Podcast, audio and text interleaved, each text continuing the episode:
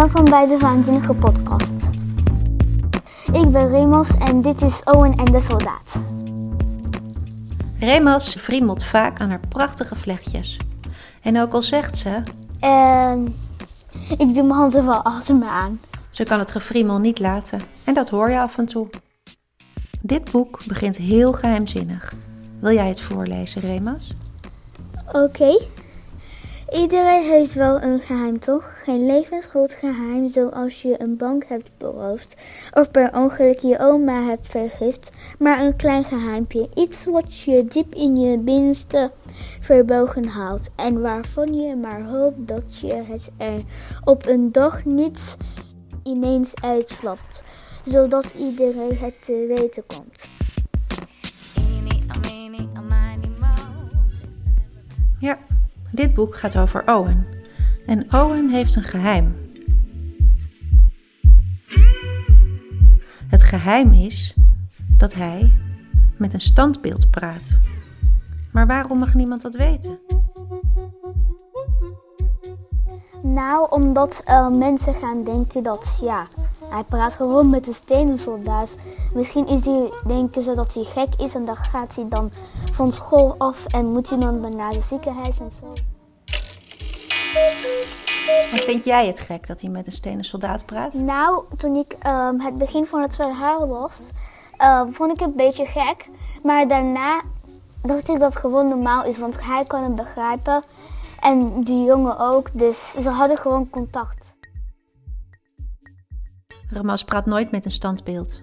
Wel met mensen. Ik heb gewoon vriendinnen. Ehm, eigenlijk was ik in Egypte, dus ik had vriendinnen die ik kon vertrouwen. Hier zo ook. En hoe lang geleden kwam je uit Egypte? Twee jaar. Oh wauw, en dan praat je zo goed Nederlands nu al.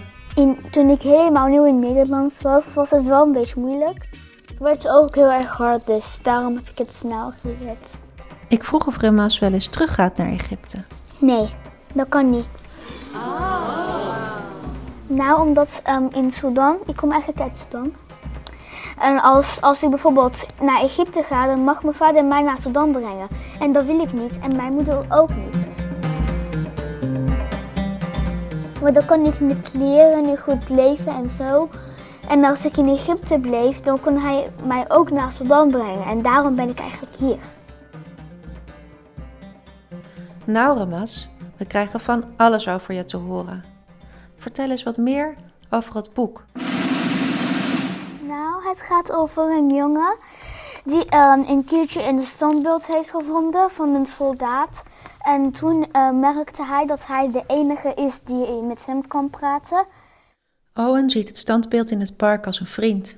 En voor vrienden heb je alles over. Toen de gemeente besloten heeft om de soldaat weg te doen, moest hij een gedichtje maken. Dus hij heeft een gedicht over de soldaat gedaan, zodat de gemeente weer eh, anders gaat zeggen en dat ze weer de soldaat gaan laten. Alleen maar een beetje opknappen en klaar. Denk je dat het lukt? Kan Owen ervoor zorgen dat het standbeeld in het park blijft staan? I'm gonna kick this.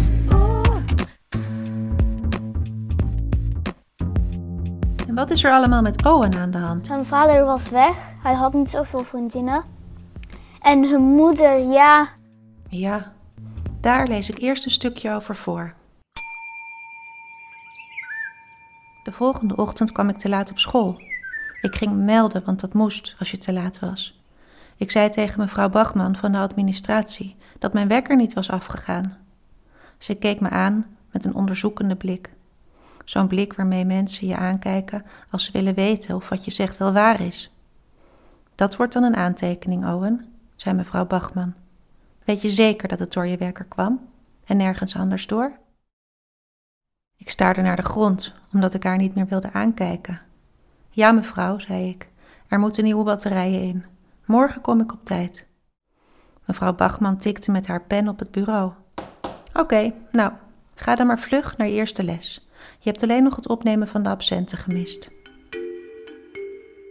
Ik was niet te laat door mijn wekker.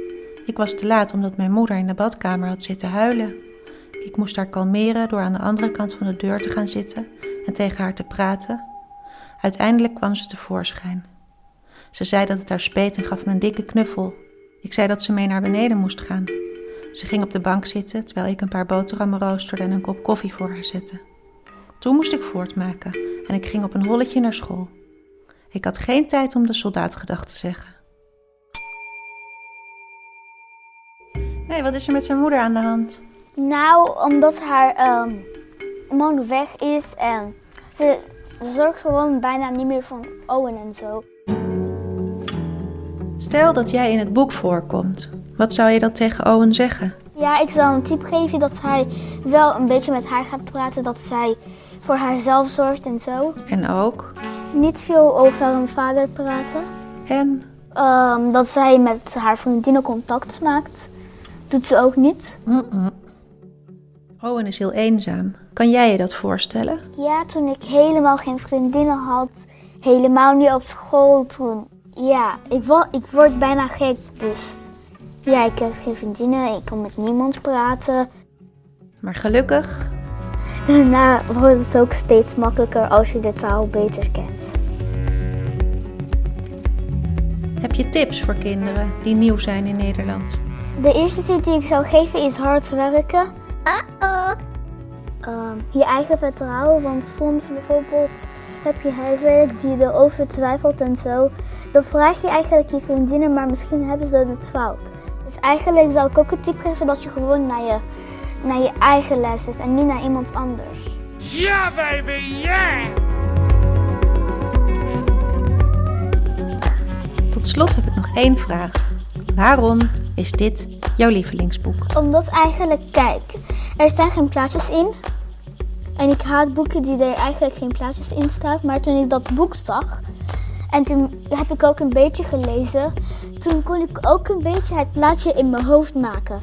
Dus een eigen plaatje maken. Misschien wel vier plaatjes of zo. En toen ik de hele boek had gelezen, had ik um, informatie kunnen weten die, die eigenlijk niet in de boek stonden. Heb jij ook zoveel plaatjes in je hoofd als je een boek leest? Dan weet je zeker dat je een goed boek hebt gevonden. Dankjewel, Remas. Dit was Owen en de Soldaat van Lisa Thompson. Het is vertaald door Anneke de Bok en Claudia de Poorter. Wil jij het ook lezen? Ga dan naar de Biep, de boekhandel of naar de website van de uitgever billybones.nl. Daar is het audioboek gratis te beluisteren. De volgende kandidaat is Fenne. Wacht even, hoe oud is Daantje? Ik denk negen of zo. En hij rijdt dus in een auto. Ja, in Baby Oesten. Terwijl hij eigenlijk helemaal geen rijbewijs had, maar hij heeft het geleerd, een beetje, als vader. Maar dat kan toch helemaal niet, of wel? Jawel, maar hij moest wel een beetje staan. te stoel. En ging steeds in versnelling. Wat? Doe jij even de geluidseffecten van de podcast. Zij kan niet alleen heel goed scheten laten, maar ook heel goed vertellen over Daantje de wereldkampioen. Zorg dat je erbij bent. Tot over twee weken. Bye bye!